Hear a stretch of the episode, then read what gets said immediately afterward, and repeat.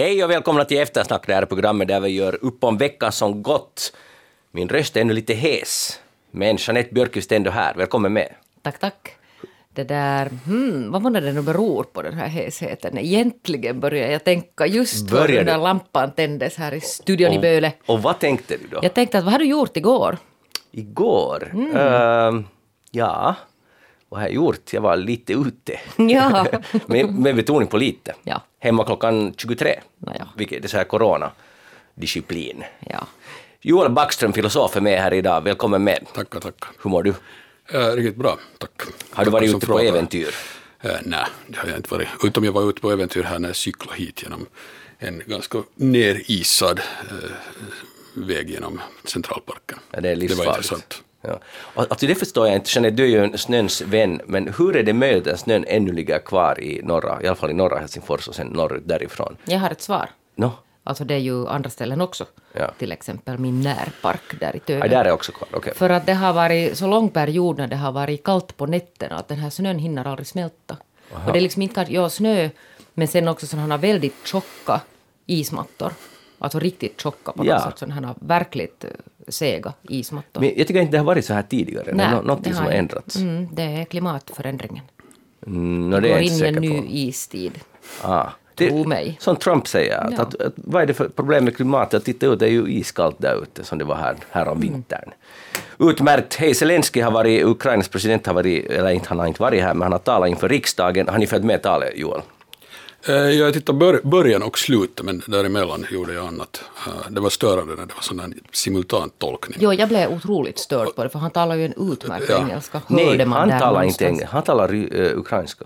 Ja, men någonstans hörde man- Jo, det sen var var det dubbat till engelska och sen var det Ja. dubbat på det Jaha, till svenska, eller finska. För jag tänkte ännu att herregud så han talar bra engelska. Nej. Men man hörde ju det, det var sån här liksom svag, svag ljudmatta där under. Jo, det var lite dåligt. Och sen stod det, det stod på, att, på arenan att ja, man kan få det här också på engelska, men jag hittade ingenstans en sån länk att man skulle kunna lyssna direkt. För nu blev det, alltså jag, jag tycker det var bra att de uh, dubbade till finska och svenska, men problemet blev att när det där ljudet ligger där under så blir det helt... Och sen kan jag inte förstå en sån teknisk sak att man inte kunde visa det i hel bild, utan vi fick titta på de där sekreterarna på riksdagen, hur de kämpar med uh, Windows-systemet där medan han talar. Alltså det, det var bara lite klumpigt. Men det var är nu detaljer. Uh, Jeanette, du hörde talet. Jo. Vad reflektioner? Det där, no, alltså, det var ju på många sätt alltså likartat. Han har ju talat i väldiga mängder, alltså riksdagar, riksdagssammansättningar i FN och så där, så det var ju väntat en del vad han sa. Sen var det väl, kunde man väl gissa att han skulle lite hänvisa speciellt till Finlands historia, Ja. vilket han ju gjorde också. Nå, någon beskrev det som, som hemskt rörande och gripande. Jag, jag tycker inte att, alltså, jag menar, det här är inte någon kritik, jag tycker inte det var superrörande. Eller i alla fall- inte när man fick det via tre, två dubbningar. så Nej, jag har, jag har så. alltså har samma. Det var inte alltså min reflektion, det var någon som hade skrivit, jag tror att det var Helsingin Sanomat som hade skrivit Ja. att det var på något sätt rörande. Men det är klart att alltså, det är på något sätt alltså gripande förstås, man vet eh, var han talar ifrån. Jo, jo. Alltså, jag menar bara själva innehållet, som, alltså, det är klart att hela situationen är gripande. Ja. Men, Men han hade ju det där, det var någon som noterade också att Sanna Marin har ju, hon såg ju då när han uppträdde i EU, alltså EU-parlamentet, alldeles någon dag efter att det här kriget hade börjat, och då sa han ju det här att det kan hända att det är sista gången han talar, för att då visste han ju inte själv ännu att kommer han att, att dö. Nu, är, nu har han ju inte dött, han, han lever ju fortfarande. ja. Jag funderar lite på honom. Vi har inte talat så jättemycket om honom i eftersnack, men tänk att han levererar de här talen mitt i krig, minst ett tal verkar det som per dag. Och han har liksom tagit en helt annan approach till uh, Alltså fundera, jag, har inte, jag tror inte det finns i historien något liknande exempel där man går ut i offentligheten, alltså i omvärlden och vädjar och talar och talar direkt, han talar liksom klarspråk uh, mot ungarna han gått i direkt fight med och, och med Tyskland och nu med Finland var han ju tyckte att Finland har stött och sådär uh, och hylla Finland och sådär men ändå kändes det ganska uppgivet, vilket situationen är ju helt katastrofal. men ändå att den här vad ska vi kalla det, det här eh, uh, PR-kriget, vilket det är nog fel att kalla det ett PR-krig, men att få fram budskap i Europa har han ju verkligen lyckats med. Joel, har du följt med honom? Vad tycker du? Ja, nej, det stämmer väl. Eller det är väl allmän konsensus också att den- här biten har ju skett väldigt bra. Förstås. Men det som ju var rörande tycker jag med det där talet, bara där till slutet, att han, när han och också hemskt sam, samtidigt att han talar om hur det kommer att vara efter kriget. Ja. Och det, för nu känns det ju förstås som om det inte ska finnas någon, något slut i sikte på det här, annat än ett verkligt rojsigt slut. Att, um, ja. Matti Vanhanen sa sen, och där kände jag att, uh, för att Vanhanen sa att vi är med nu och sen vi kommer att vara där efter kriget, på tal om efter kriget. Så det känns bara som att, jag fick bara den känslan, kan vi inte göra mera nu? Alltså jag menar inte bara vi, Finland och vi tre, utan överhuvudtaget. Jag, jag, därför tyckte jag att det var en ganska uppgiven tillställning på ett sätt. Att man, liksom att vi talar nu om någon en tid som vi ingen vet när den kommer, hur den kommer att bli, om den ens kommer, alltså det, någon gång förstås efter kriget. Men det, att det mest konkreta eh, som kunde som Vanhanen sa, att vi kommer att finnas där efter kriget på plats. Och sen kommer vi att hjälpa och återbygga. Och det var det som Zelenskyj också ville, att bedja om att företagen, finska företag och, och myndigheter ska komma dit efter kriget.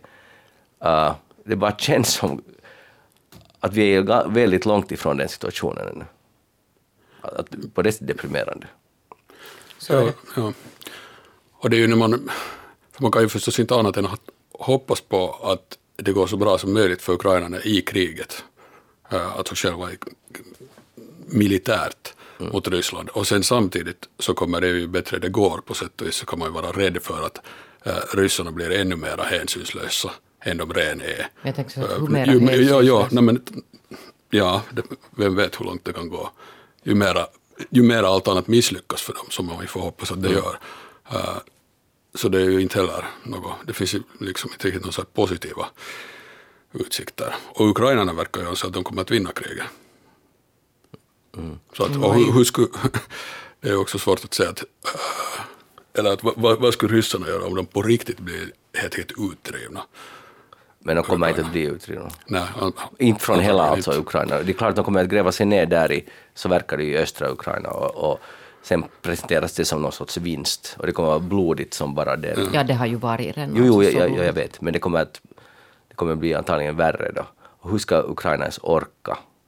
Alltså, det finns så mycket frågor här. Idag så var det ju en at- attack som ni säkert läste mot en järnvägs- järnvägsstation i Kramatorsk. Åtminstone 39 döda. Folk som står och väntar på tåget för, på att komma bort därifrån. Eh, Kreml har förstås dementerat, de har ingenting med saken att göra.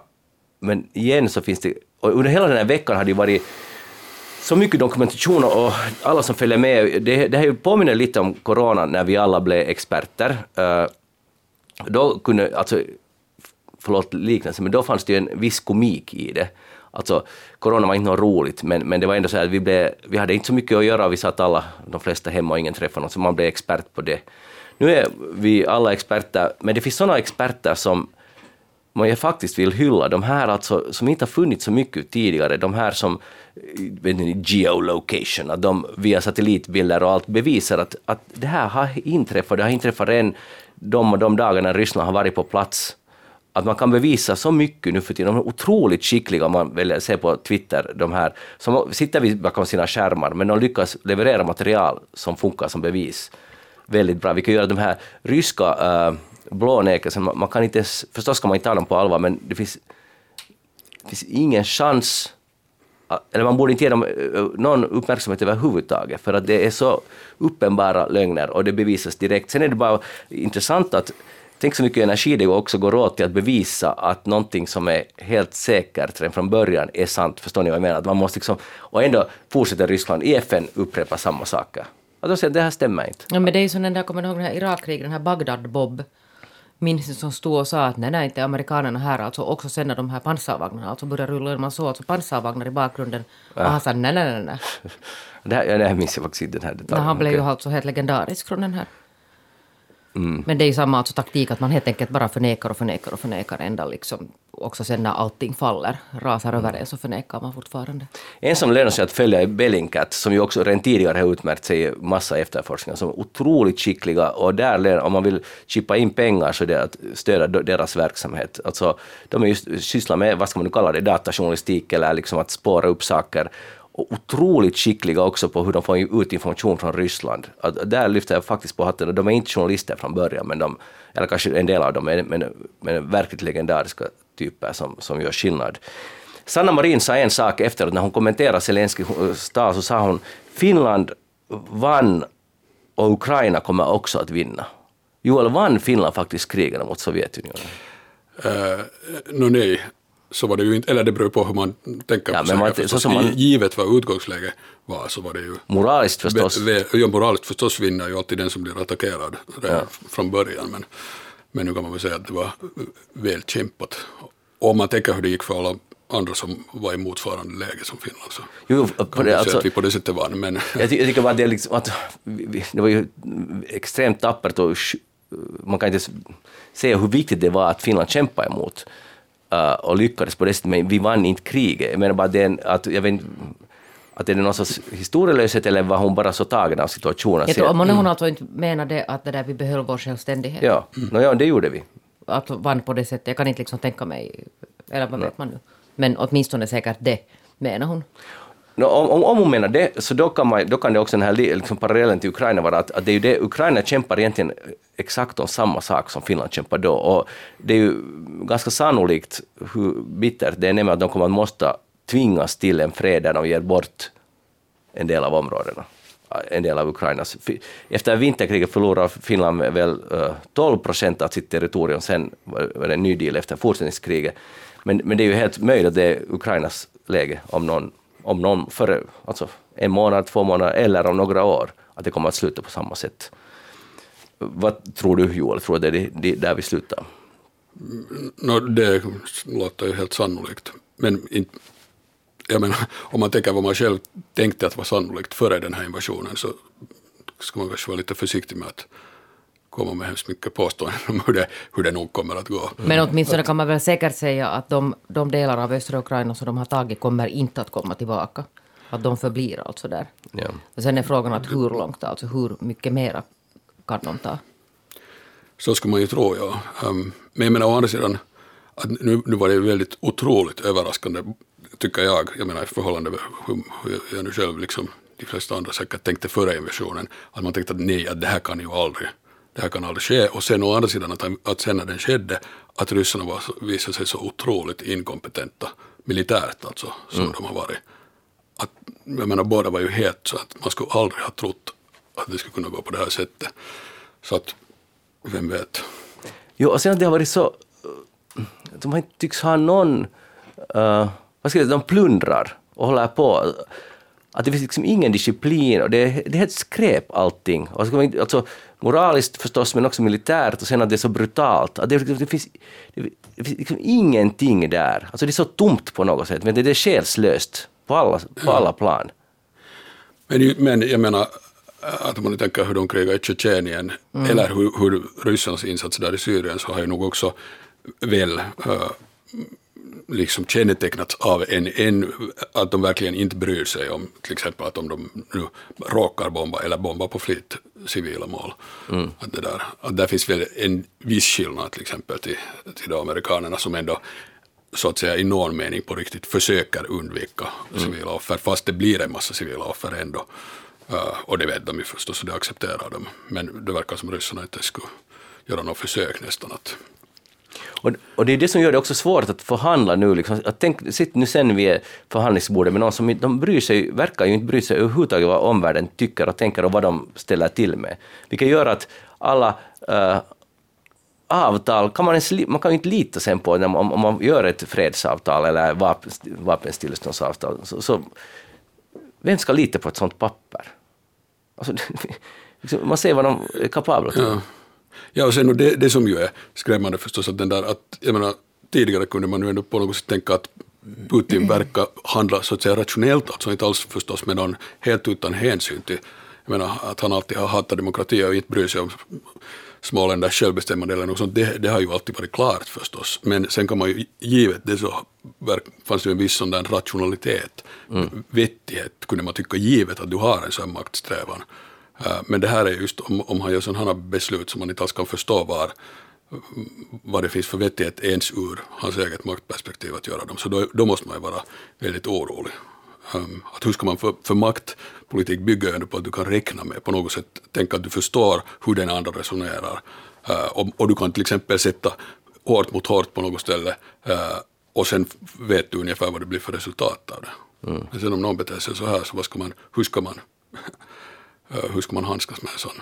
Och jag hade aldrig heller tänkt mig att det går, jag tror vi ställde den frågan kanske för en månad sedan eller fem veckor sedan i eftersnack, att är det möjligt att stänga in ett land, ett modernt land som Ryssland ändå till stor del är, folk i, från de stora städerna i alla fall ganska beresta, har varit utrikes, uh, att går det att stänga in liksom, så att säga informationsmässigt? Och min gissning var då att det går inte. Det är omöjligt, det kommer inte att funka. Och nu, det funkar nu. Det finns till exempel en, det finns ju många videor, men det finns en video när en ukrainare ringer, det finns någon sorts telefon, vet ni, så här webbchatt i Ryssland, där man kan ringa upp och tala med slump, slumpmässigt valda människor. Och han är från Ukraina och säger hej, jag är från Ukraina, vad är läget? Och liksom snackar med ryssar. De visar liksom fingrar åt honom, skrattar honom rakt i ansiktet, förnedrar honom, hånar honom och han är aldrig, han tappar aldrig liksom, han bara säger hej, att jag är nu den och den från Ukraina, vad, vad tycker ni om läget? Och de är liksom sånt totalt förakt mot honom. Och han som individ har ju inte, han är bara där och snackar med dem. Och det är både ungdomar och äldre personer. Och det finns förstås många som är emot och som är kanske tysta och inte vågar. Men det, det verkar ju som den här propagandan, alltså den har gått hem och tvärtom så är det nu om man, de som kommer i ryska statskanal, de här, de här som sitter där och diskuterar, de är ju verkar vara ännu blodtörstigare än Putin. Att, att de säger att det här landet ska, alltså Ukraina ska helt enkelt elimineras. Ja. Det har ingen existens. Men så har det ju varit länge med Ryssland, just att man, hur mycket man än kan vara emot Putin så har det ju hela tiden varit det där att man undrar sen att kommer det på riktigt, det kan komma något mycket värre mm. efter honom. Att det är ju inte så att man bara ska plocka bort honom så ska allt vara frid och fröjd där. Um, och sen, men och sen är det ju så, uh, jag menar det visar väl historien tyvärr, att det är nog väldigt svårt att om ett land börjar krig, fast det är det land som, ditt eget land som börjar och det är helt uppenbart att, att de inte har någon rätt på sin sida, så får man nog nästan alltid majoriteten av folket med sig. Mm. Och inte, det är ju inte bara det att du kan börja, att du stänger av och, och så att det enda som kommer ut är den egna propagandan, utan folk har en stor beredskap och vilja att helt enkelt tro på, på vårt land. För det kräver ju lite mer, att, för ja. man måste man börja ifrågasätta ganska mycket. Ja, ja, ja. Men Vietnamkriget så var det ju ändå, jag vet inte hur det var den stora opinionen, men det var en enorm rörelse ja. mot kriget. Ja, ja, exakt, men jag menar det är ett historiskt undantag. Mm. Uh, inte säkert det enda, men... Uh, men det är så, jag menar, inte skulle det ju kunna finnas krig uh, så som det finns. Ingen människa vill ju ha krig från början. Ingen, jag menar, för krig är det värsta som finns. Och ändå sen när det börjar så tenderar det att gå så att, att majoriteten av folket sluter upp bakom ledaren. Och igen, helt ingen skillnad om man har rätten på sin sida eller inte. Jag menar det är begripligt att man är, och bra förstås, och helt korrekt i, i Ukraina eller som när Finland under vinterkriget, att man då sluter upp och helt enkelt försvarar sitt land. Men också de som attackerar så kommer att uppfatta det som om de skulle ha på något sätt, är ute egentligen att försvara sig, och det är det som alla alltid säger på något sätt. Ja. På ett eller annat sätt så är det, fast man har börjat så då måste man börja för annars skulle de ha attackerat, eller som ryssarna presenterar det, att det är egentligen en västlig aggression hela vägen som förklarar mm. deras handlande. tänk att 30 år så har, har det ändå gått att säga det mesta uh, i Ryssland, alltså det har varit fritt betyder. Så man kan ha gått ut på gatan och säga nu går, nu går det inte längre och, och nu är det ju också så här angivarsystem och där är, det var jag läste om en lärare, ni kanske läste det case, en lärare som eh, de hade liksom provocerat fram, eller kanske det var en enskild elev, men hade blivit av sina föräldrar ombedda att band, fråga om kriget, varför får vi inte vara med i Eurovision eller varför får vi inte vara med i fotbolls-VM? För att provocera fram läraren, så hon sen berättade sin version, och det var den, ska vi säga, den version som vi tror på att det här är ett helt oberättigat krig och det är liksom fruktansvärt. Så de bannade. Sen äh, ringer säkerhetstjänsten till henne och nu riskerar hon tio års fängelse. Alltså via angivarsystem via barn. Ja. Kiva, kiva. Ja, där är läget just ja. nu. Ja, ja, sen är det ju mm, det där att allt det här betyder förstås att all vad det har funnits av folk som på något sätt tänker själva uh, och skulle vilja göra något vettigt i det där samhället, så deras utrymme är, är ju nu noll. Så det, alla som kan kommer att sticka därifrån och, och de som inte kan så stannar kvar och håller tyst. Alltså, jag menar som det alltid går när du har på riktigt diktatur eh, att den där diktatorn måste liksom, eller det där systemet gör att alla människor med något med antingen hjärna eller hjärta, ryggrad, måste avskaffas helt enkelt. Och systematiskt så blir det så, så det blir riktigt sådär medelmåttornas, de fega människornas sen kollektiva diktatur. Men tänk att vi har suttit här i samma program alltså ganska många gånger och på något sätt satt det där vårt hopp till alltså att, att någon inom Putins närkrets ska reagera och, eller inte bara reagera utan agera eller sen alltså det ryska folket. Jag vet inte, liksom för varje dag som går så tappar man ju nog liksom den förhoppningen att, att lösningen verkar ju nog inte finnas där inne i det där landet. Nej.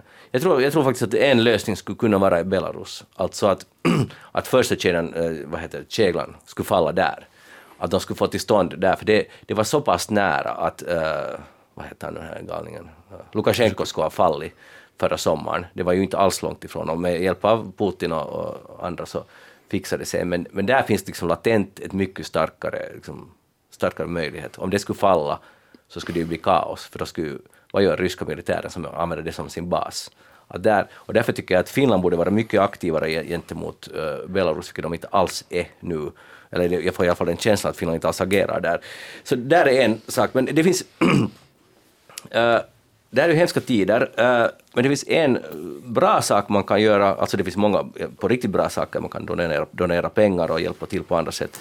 Men om man behöver lite ro för sig själv så kan man se på den här Zelenskis uh, TV-serie som finns på arenan, uh, Folkets tjänare. Ja. Har ni sett på den? Nej. Nej, jag har inte jag har tänkt att jag skulle börja, någon, någon sa att den var bra. Alltså den är faktiskt ganska, uh, den är rolig och man får inblick lite i ukrainsk liksom, vardag. Och det handlar ju om, om, om en lärare som spelas av Zelensky som sen blir president mera genom en slump, och, eller ska vi säga maktens män tycker att han skulle vara en bra puppet att ha på plats och sen är han jättebra typ. Och den är rolig och feel good och på något sätt som det blir också så otroligt när man tittar på honom där, alltså skådespelaren, och sen tänker att nu är han president i det här landet som skildras där. Att det, är på något, det är helt osannolikt. Och det fick mig att tänka på för att eftersnack 2019, när vi var, du var inte med Jeanette, men vi var på Åbo Svenska Teater, då höll jag en kort monolog om att har ni hört om Ukraina, där är en sån här kille som heter Zelensky som ska vilja bli president. Och han är komiker och nu han, hans kampanj är samma som att han är den där läraren i den där TV-serien. Och, och, och jag säger att det här kan ju inte funka. Att, det här, alltså, att, att han har ingen erfarenhet, han vet ingenting. Och nu är han den liksom mest liksom beundrade statsmannen i världen. I alla fall i Europa. Så där, så kan det gå. Eh, men den här tv-serien den rekommenderar jag verkligen. Och det här är också många, det är roligt för det är en del sådana inside ukrainska politiska skämt som man inte förstår men man förstår att de är roliga. Vet ni, mm. hänvisningar till gamla presidenter som har varit genomkorrumperade. Det finns alla möjliga så små blinkningar där. Så den, och inte den är helt otrolig, men jag, jag skulle säga att den funkar som terapi. Och på något sätt att tänka, man blir lite matt, man tänker så här gick det sen. Men så den, uh, den rekommenderar jag som fått hållas vid sina sinnesfulla bruk. NATO-diskussionen går het. Sannolikt kommer Finland att, uh, och möjligen också Sverige att lämna in en NATO-ansökan. Nu spekuleras det är nog väldigt oklart med Sverige. Ja, det, men, men till och med i början av maj, alltså om en månad, kan det till och med gå. Vad tycker ni om det? Ja, no, att det är begripligt det för, för, för det första att säga att det är inte så underligt om man i, i den här situationen tänker att det där är det enda, enda möjligheten. Sen om det på riktigt ökar säkerheten eller inte så inte vet jag riktigt vad man ska tänka om det. Ja, om du måste rösta själv. Det blir ju ingen ja, folkomröstning. Nej, nej, det här är förstås sånt som inte folket ska få bestämma över nej. i en demokrati. um, Nej, alltså jag skulle fortfarande lita på det, det, arga, vad heter det arrangemang som vi nu har. Alltså en på riktigt stark äh, egen militär och förstås med samarbete. Vi har ju samarbetat de facto med NATO redan och med andra nordiska länder. Så att, men det är, jag menar, det är klart att, att ett starkt försvar måste vi ha. Att sen är mm. bara frågan, det som tycker jag är problemet med NATO, så där i grunden är ändå det som man just tänker sig att orsaken till att det ska ge oss mera trygghet är ju ändå de amerikanska kärnvapnen i sista hand. Att, vi, att bli, blir det tryggare när man är under ett kärnvapenparaply.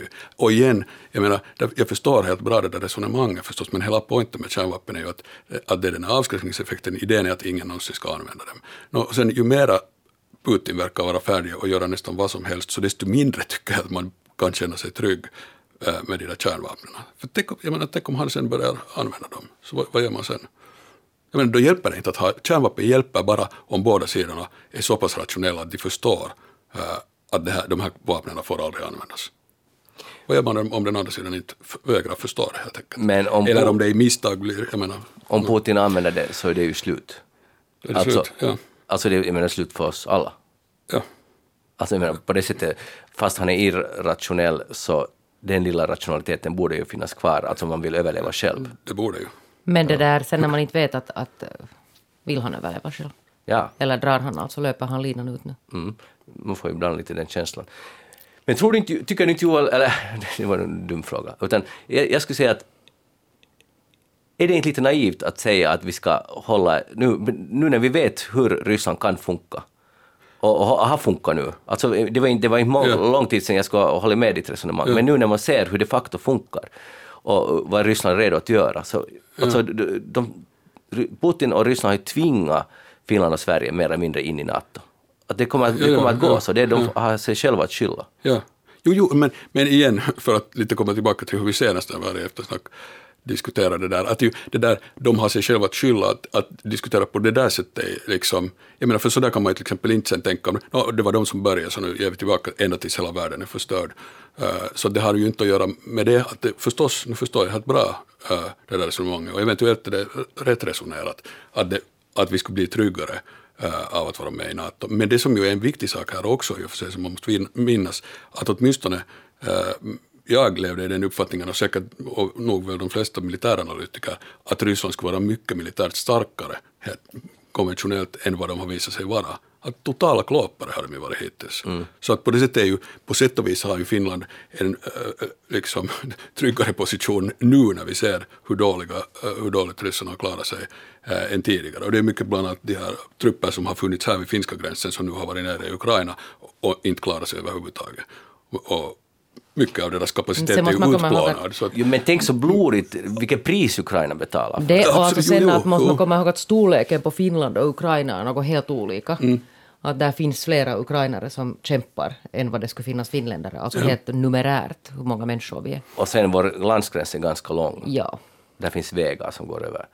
Så alltså, det, det är intressant, jag tycker bara att det här är helt liksom, hisnande månad som har varit att från att vi, många av oss har varit fredsälskande uh, NATO-kritiska. NATO-kritiska. Så det, det, att nu tycker jag att jag tycker att det är inte relevant för det har allt har förändrats så mycket nu på kort tid.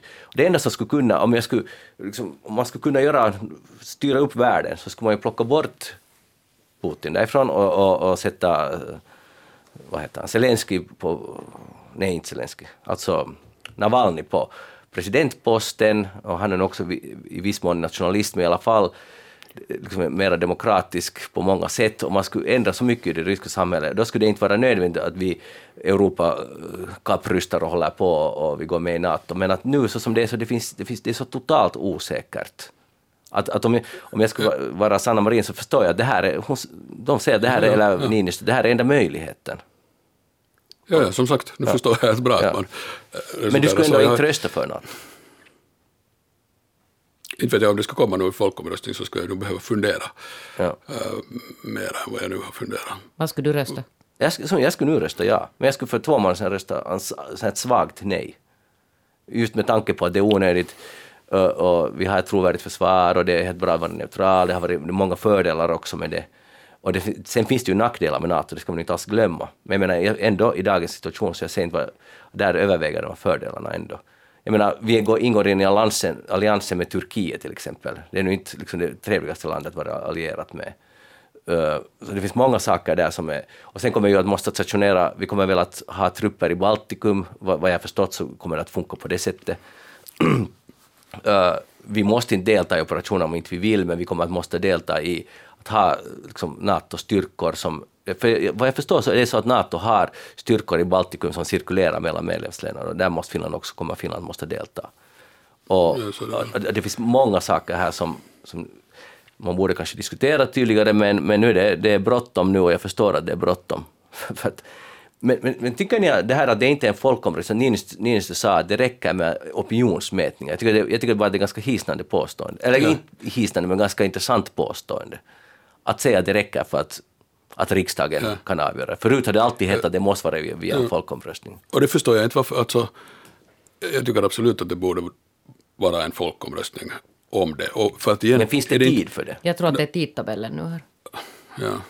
Men igen, jag menar, det är ju ett jättestort beslut. Och om man, om, om en gång, jag menar, om det, Finland borde absolut tycka inte gå med i NATO om det inte är så att det finns en klar folkmajoritet som vill ha det. Och så verkar det ju på opinionsundersökningar nu. Men då borde det ju kunna manifesteras i en riktig en folkomröstning. Helt enkelt Men sen kan man ju Men säga vi har då, ju en riksdag. ja, att vi har en riksdag. Sen å andra sidan så den riksdagen är vald utan, det var inget NATO-val. Nej. Så det där, men, men det är ju så att vi har ju ett, ett, ett folkvalt, liksom en folkvald riksdag. Ja, ja, men jag menar, det, det, det här är ju ett beslut, eh, kanske inte, eller av samma ungefär dignitet som, eller be, betydelse som att gå med i EU eller inte. Eh, så att om man kan ordna folkomröstningar och sånt så borde man väl kunna Ja, men igen den här tidsaspekten. Och att allting känns så otryggt. Och det är ändå statsledningens uppgift att, att se till att det här landet kvar, fort, liksom, fortlever. Ja. Ehm, ja. Det- Jag hör Magnus att du är i sådär samma paniktillstånd som jag. För jag har också, Ja. alltså, från att, jag har alltså, så som nästan alla finländare, man ser ju det på opinionsmätningar, det har konstant alltså varit ett lågt stöd för, för NATO. Politikerna har varit kanske, särskilt inom vissa partier, hemskt för NATO. Och, och det har aldrig, alltså det har inte ruckats hur man än alltså har diskuterat så har det hållits alltså någonstans, vad kan det ha varit där då, 20-30 procent har stött det här. Och sen har det hä- hänt alltså en hel omvändning. Och, det där, och jag är en del av den här helomvändningen. Ja, no, jag är också. Men jag, jag, det här kan man inte påverka, men jag skulle så mycket hellre vilja att vi har ett sunt Ryssland till granne. Och, och, och det här ska vara onödigt. Tänk vilka mängder pengar, tänk så mycket vapen det nu tillverkas och används. Det är, liksom, det är helt groteskt allt som händer. Det är Ryssland som har startat det. Men det är helt groteskt. Och, och vi, vi, går alla, vi vill skicka mera vapen till Ukraina och jag tycker det är helt rätt. Men jag menar, tänk så allt har förändrats på sex veckor. Mm. Ja, och sen just det där att var ska det sen sluta? Nu, jag menar de där sanktionerna är förstås det enda rätta och ändå det skulle vara helt, och det är ju det enda man kan göra att ha dem så starka som möjligt mot Ryssland. Men så där, sen i det långa loppet, huska att om Ryssland blir eh, då helt som det nu verkar, att hur det än går, hur det där kriget än exakt eh, slutar så blir Ryssland som en pariastat. Så då som ett jättestort Nordkorea med mera kärnvapen än någon annan i världen. Jag menar, det är ju inte heller så det jätte, att man ska känna sig hemskt trygg att ha en sån, ett sånt Ryssland som granne. Och inte vet jag menar vad kan man annat, det verkar ju bli så helt enkelt. Det är dit ryssarna själv vill driva det. Men det Ja, alltså vägen tillbaka, Ove, alltså sen, sen när, när krigen någon gång avslutas, hur det nu sen ser ut det där slutet. Men vägen tillbaka för Ryssland, så det är ju inte så att det kommer att gå hemskt snabbt. Nej. Och det blir via enorm kaos. Om det blir en förändring så blir det via helt det är omöjligt att, att se hur det, hur det skulle gå och vad som kommer att hända. Jag menar, eh, Sovjetunionens fall, kommunismens fall där, det tog ju liksom tio år av kaos i landet. Men landet funkar i och för sig, eller det funkar inte så jättebra, men det, det fanns ett land som, ja, jag menar det var inte total anarki, det var bara delvis. Och något liknande kommer ju att, kommer ju att ske i Ryssland. Jo, men det vet man ju inte när det sker. Nej, nej, man ska hoppas Alltså sker vet jag att de är ju kanske nu inte de mest pålitliga, de här opinionsmätningarna från Ryssland, men det verkar ju finnas ett starkt stöd. Ja, men man måste ha det lite, alltså jag tror, jag tror det finns ett starkt stöd, det verkar ju så. Uh, men i och med att propagandan har skapat det stödet så måste det också gå att med, så att säga med sanning få den att vända och plötsligt vänder folk kappan. Jo, men det, varifrån kommer den sanningen? Jag vet inte. Jeanette Björkqvist, vad har du tänkt på den här veckan? För, förutom det här. Men nu när vi är i sån här muntra stämning, Ja. så jag har ju då tänkt- jag har, det där, jag har gjort en sån här gigantisk granskning av, av det där, hur Finland hanterar sådana här djurskyddsbrott. Och det kom i måndags ut ett, ett program på finska Yle 1 som heter Mott, alltså den här granskande tv-programmet, som har fått nu alltså mycket respons. För att det visar sig nu så där helt förenklat så är det ju så att, att det är helt åt, åt det där, hur ska man säga, Pipan åt pipan tack. Jag tänkte på något helt Ja, men- annat. Alltså det är jättedåligt skött det här med, med alltså brott som man gör mot djur. Och när jag säger brott mot djur så menar jag alltså då sånt här att man vanvårdar sina djur, att man misshandlar dem. Alltså man, husdjur, eller vad Hus, ja, jag har granskat alltså husdjuren. Det gäller ju produktionsdjur också, alltså till viss del, men de har vi inte granskat i det här programmet. Jag har läst alltså nästan 800 eh, domar eh, om de här fallen. Mot hu husdjur 800 domar. Ja, från 2017. Och sen har jag granskat alltså den här polisens hantering som också är helt undermånlig. Hur polisen hanterar alltså sådana här anmälda djurskyddsbrott. Och det är liksom helt retuperällä som man skulle säga på, på finska. Och sen finns det ju då de här förklaringarna, alltså det finns jättemånga människor som är så att, jag menar, att inte sköter de ju heller människohandelsbrotten och inte sköter de heller de här sexualbrotten som alltså en annan journalist på Hesari har granskat. Att det där, sen, sen kommer liksom fin, infinna sig frågan till slut, att, men, men att vad sköter vi då? Mm. Vet ni, att, att det verkar så att vilken brottslighet man än tittar på så är allting alltså dåligt skött. Så där ganska alltså genomgående. Men kan, stämmer det där? Nå, inte stämmer det förstås helt. Alltså jag, jag skulle säga att Finland är ganska bra på att sköta ekonomisk brottslighet, alltså både utredningar och det där rättsväsendet. Men nu finns det en väldig massa alltså brottslighet som helt enkelt alltså inte sköts på mm. rätt sätt. Har du, finns det något land där man sköter det bättre, sådär på det hela taget? Alltså har du någon jämförande information? Nej, jag har inte jämfört det där. Det var någon som frågade hur det är med Sverige. Jag tror att Sverige är säkert alltså snäppet bättre. Jag tror att de har lite, lite bättre. Alltså, vi har ju hållit på att förnya vår djurskyddslagstiftning i 20 år. Nu kanske den går igenom, eller liksom presenteras för riksdagen i augusti. 20 år. Det är ganska länge. Det visar att det, liksom, det finns något problematiska alltså förhållningssätt till djur Men vänta, i det här äh, landet.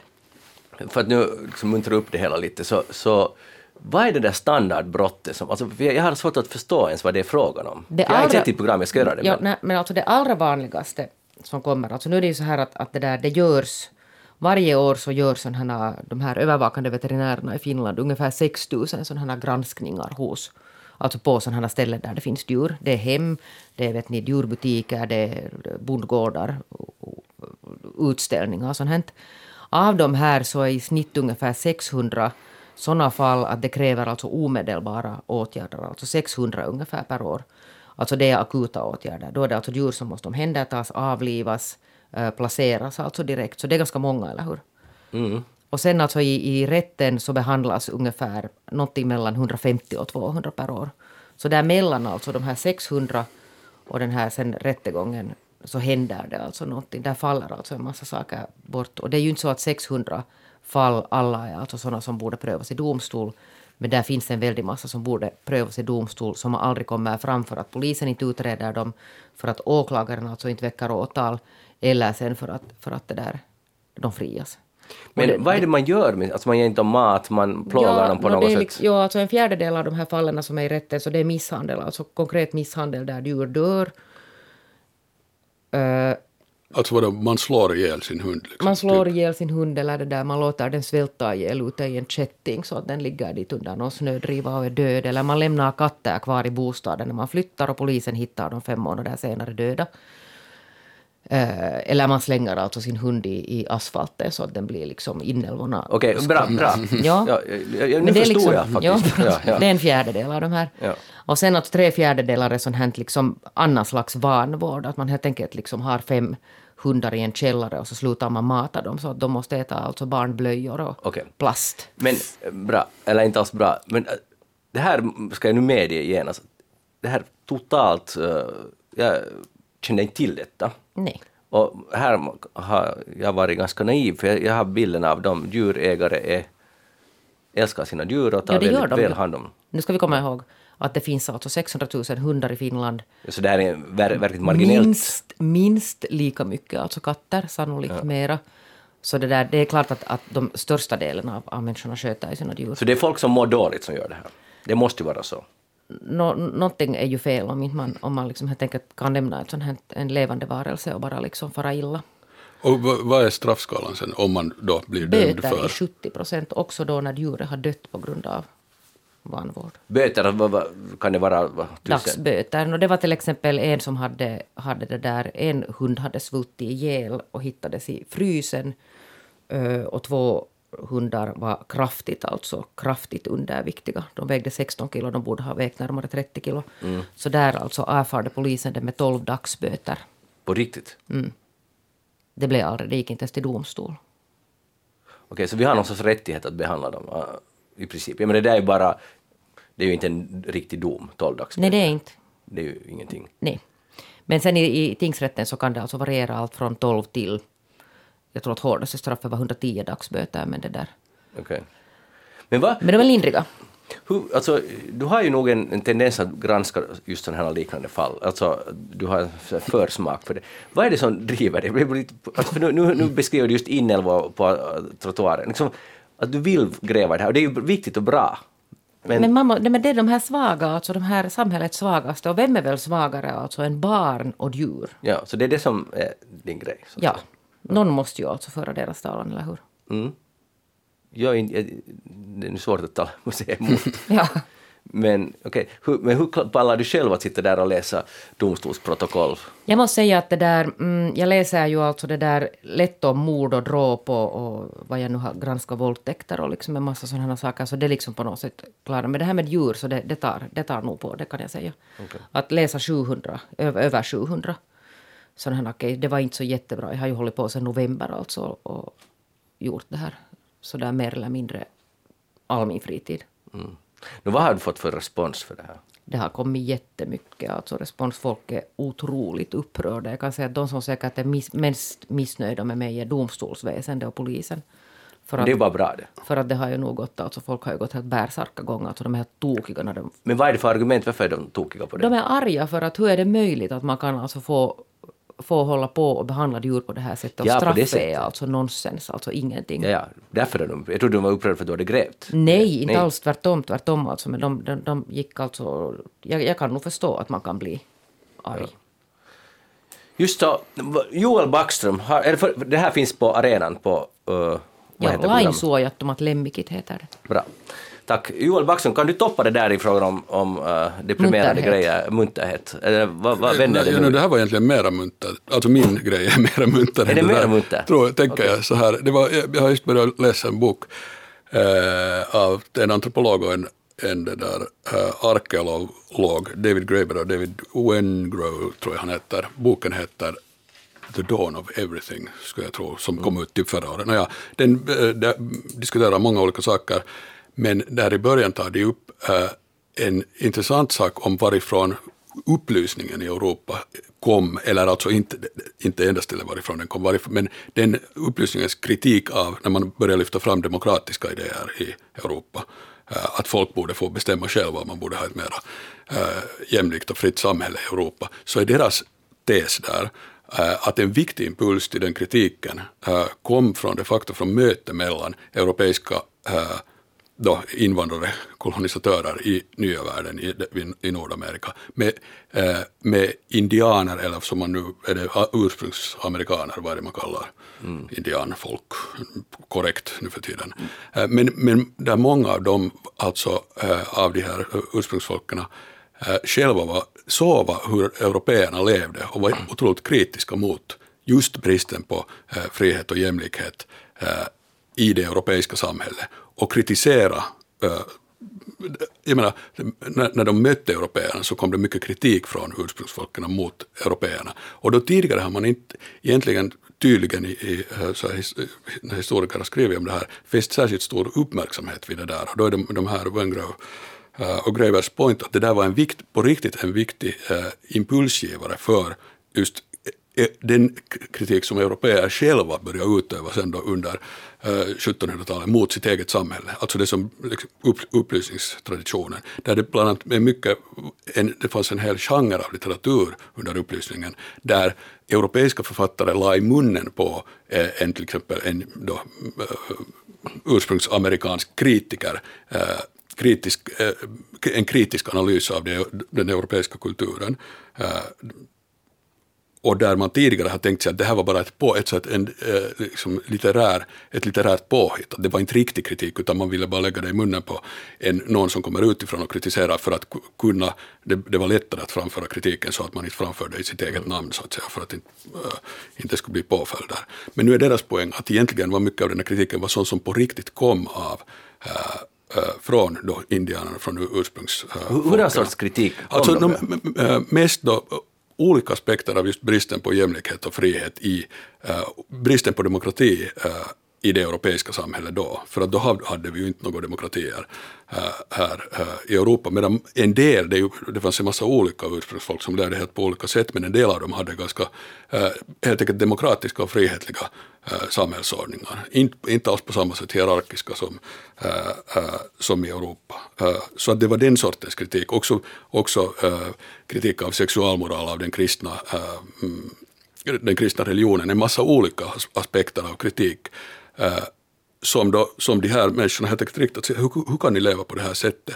Eh, och som då europeer tog, helt enkelt tog över och började, då det här Wengrow och uh, uh, Gröbers teser också att, att den här, det som man har börjat uppfatta sen som den väster, typiskt västerländska blicken, att man på ett sådant objektivt uh, sätt kan se på främmande kulturer utifrån, så det som liksom blev den moderna antropologin och så här, att den blicken har européerna egentligen lärt sig av äh, då indianernas blick på, på den europeiska kulturen. Och sen har vi, tog de över det därifrån och började titta med de ögonen på sin egen kultur.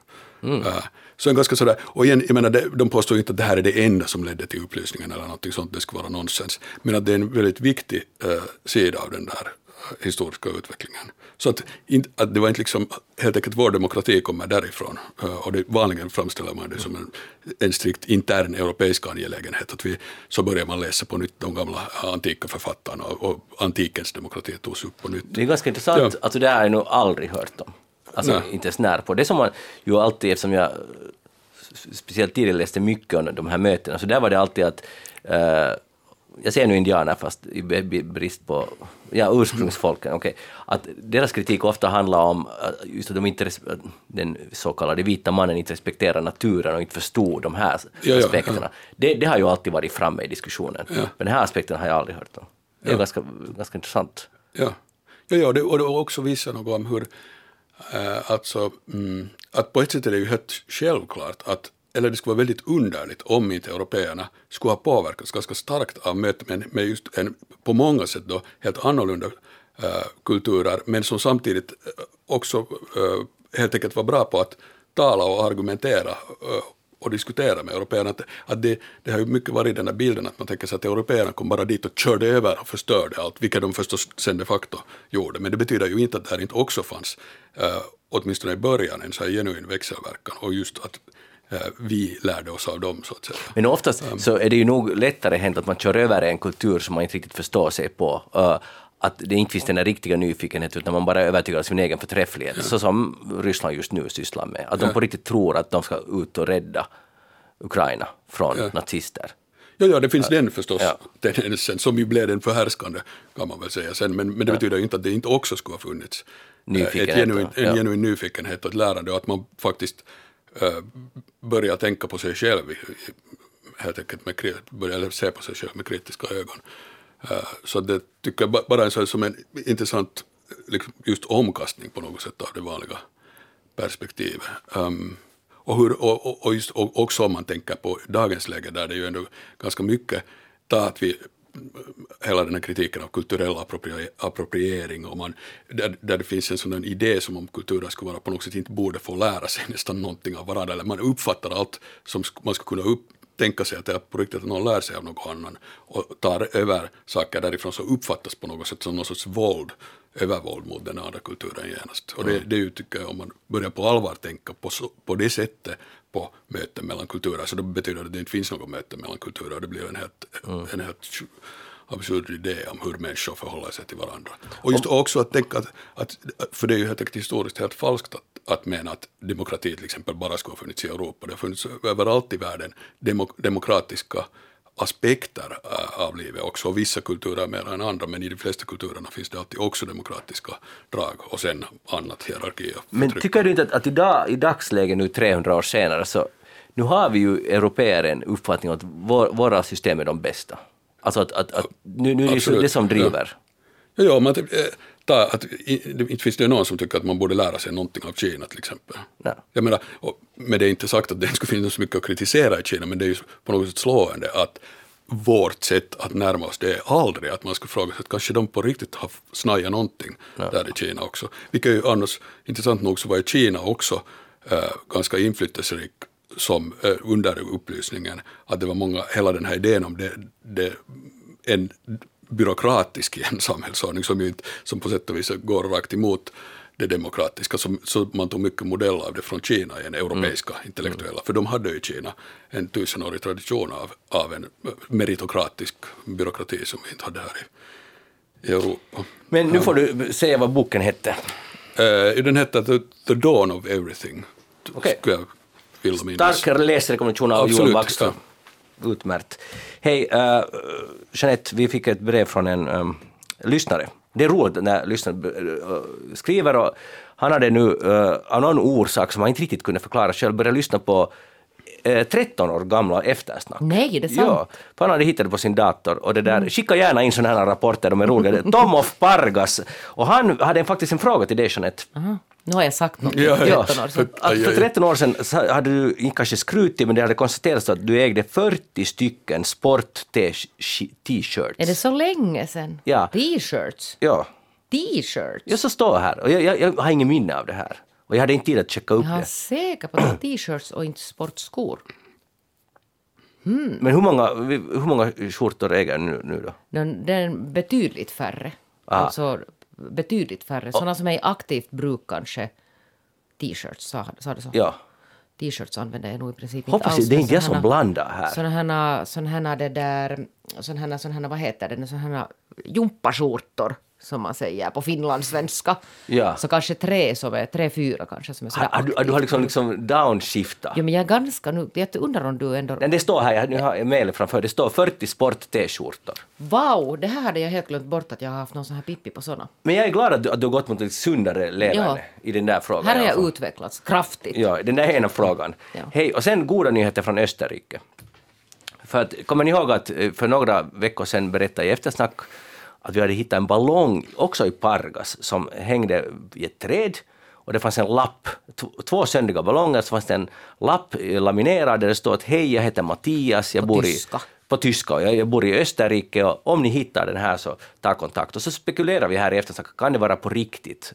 Att Jo, det är säkert skickat från en Silja Line-båt till exempel. De har varit på semester i Chimito och så har de skickat den. Och Mattias har tänkt att han ska ha lite ro, någonting att göra. Nåja, så skrev ju då min son tillbaka på tyska till Mattias, eh, ett riktigt fysiskt brev alltså. Och nu kom det e-post. Nej! Mm, på engelska, vilket jag tycker är ganska svagt. Här, här anstränger man sig för att tala, eller inte man utan min son anstränger sig på god tyska, men nu kommer det ett svar på engelska.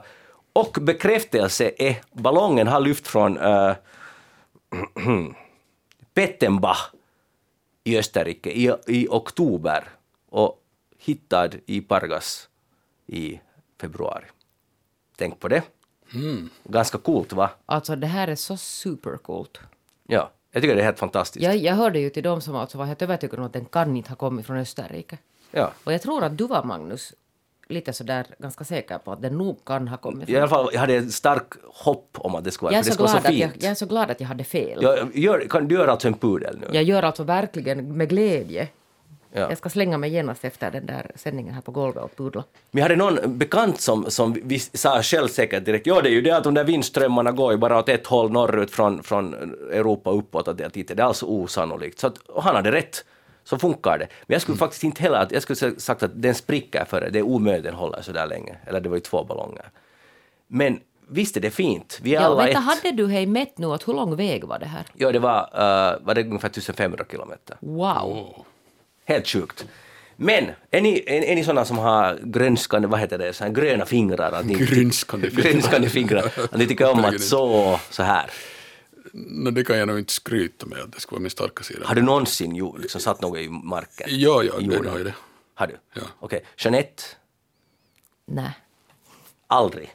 Jo, jo, visst, visst, visst. Jag har odlat det där påskgräs i någon sån här balkonglåda. Ja, ja, så du har ganska lång erfarenhet ändå. ja, ja och jag bra. har faktiskt nu lite påskgräs också. Har du? På kommande där åt katterna. Fint. För det, nu är det ju årstiden då när man ska få sin ved, all ved, alla träd som har fallit under vintern så ska man nu få uppsågad och radad så att det hinner torka. Det är jätteviktigt. Det har väl ingenting med gröna fingrar Jag kommer till saken. Det är jätteviktigt. Det är en sak man ska göra nu. Den andra saken, nu ska man så sina grönsaker till exempel i en liten kruka där på fönsterbrädet hemma och sen ta ut, flytta ut det lite senare. Och det här är ju, jag är lite som du, att länge var det endast påskgräs som gällde för mig, men jag har nu blivit Trädgårdsmästare. trädgårdsmästare. Eller, Från snickare till och nu har jag trädgårdsmästare. presenter till er för att sprida det här glädjebudskapet. Och Jeanette, jag var i butiken och så hittade jag ett paket, eller så en frön med morötter av uh, slaget Daucus carota. Det är då latin. Men du kan berätta vad det här brandet heter. Varsågod. Det heter Jeanette, det är inte sant! Ja. Jeanette morötter. Jeanette morötter. Alltså det här är hybrid, early ripening F1 hybrid. Det här är ju fantastiskt. Alltså det där, jag slängde faktiskt ut lite blomfrön sådana dit förra året där i Barsund. Okej, Och Det kom upp duktigt. Någon, ja, men det Men- där, men- kan man bara kasta iväg de här då? Nej. Alltså ut i marken. Nej, jag sa just du måste sätta ner en liten kruka. Gud, jag tänkte att jag borde ge en kruka och mylla av det, men jag tänkte att någon måste kunna göra själv. Jag tycker det är lite hör mycket att förvänta Men din dotter. och Jo, nu- jo, jag ger, alltså hon fixar det här. och Hon är sen- duktig, hon är bra. Bra. Och sen i augusti, när vi träffas första gången, så då ska du ha med Jeanette Oh my god, oh my och jag tänker god. faktiskt följa upp det här. Oj nej. Och till Joel, eh, jag har öppnat påsen för jag behövde några själv, men, men, Du kunde inte hålla men det. här finns gott om god läckerheter. Det här är Ukrainas eh, stadsblomma, solrosen. Heter Jaha. den Joel den då? Nej, den heter inte Joel, no, Joel jag vet inte vad den heter. heter morötter Jeanette? Det förstår jag inte riktigt. Det är lite konstigt egentligen. Det här är nu Mm. Nelson Garden. Det, var, det är brandet, men, Ja. men Alltså det är ju mycket lättare att odla sådana solrosor. Va, nu ska du inte vara lite tacksam Jo, ja, för att du har fått. Jeanette Jo, morötter? tack, det här är jättefint. Ja, just Ja, det. tack. Höjden. Uh, Joel, vad, vad tror du, blir det solros någonstans i... Ja, vad blir det i Pärnu eller blir det Det är i... nog säkert i Pärnu det blir i så fall. Om det blir. Det, det får vi se. Eller på alltså ryska förstås blir ambassadens det. gård. Ja, ja, just det. Det, det, var inte så det, det, det, har min tillåtelse att gå till Fabriksgatan eller Zelenskyjgatan och kasta över några solrosfrön och sen tar du några till Man måste komma dit och vattna sig natt. Ja. Eh, jag hoppas det lyckas, jag hoppas alla andra också har stor framgång med sina odlingar. Jag vill tacka Jonny Aspelin som är uh, tekniker Tekniker. idag, tack så mycket för det. Jeanette Björkqvist, moroten, även kallad, tack för att du var här med idag. Joel Back som solrosen kallad, tack för att du var här. Jag, är Mag- jag heter Magnus Lundén, jag har inget smeknamn. Men Trädgårdsmästaren. trädgårdsmästaren, vedhuggaren. Eh, vi är tillbaka igen om en vecka, hoppas i muntrare toner då. Ni får gärna e-posta oss på ettasnacksnabelayle.fi. Hej då och ha det bra!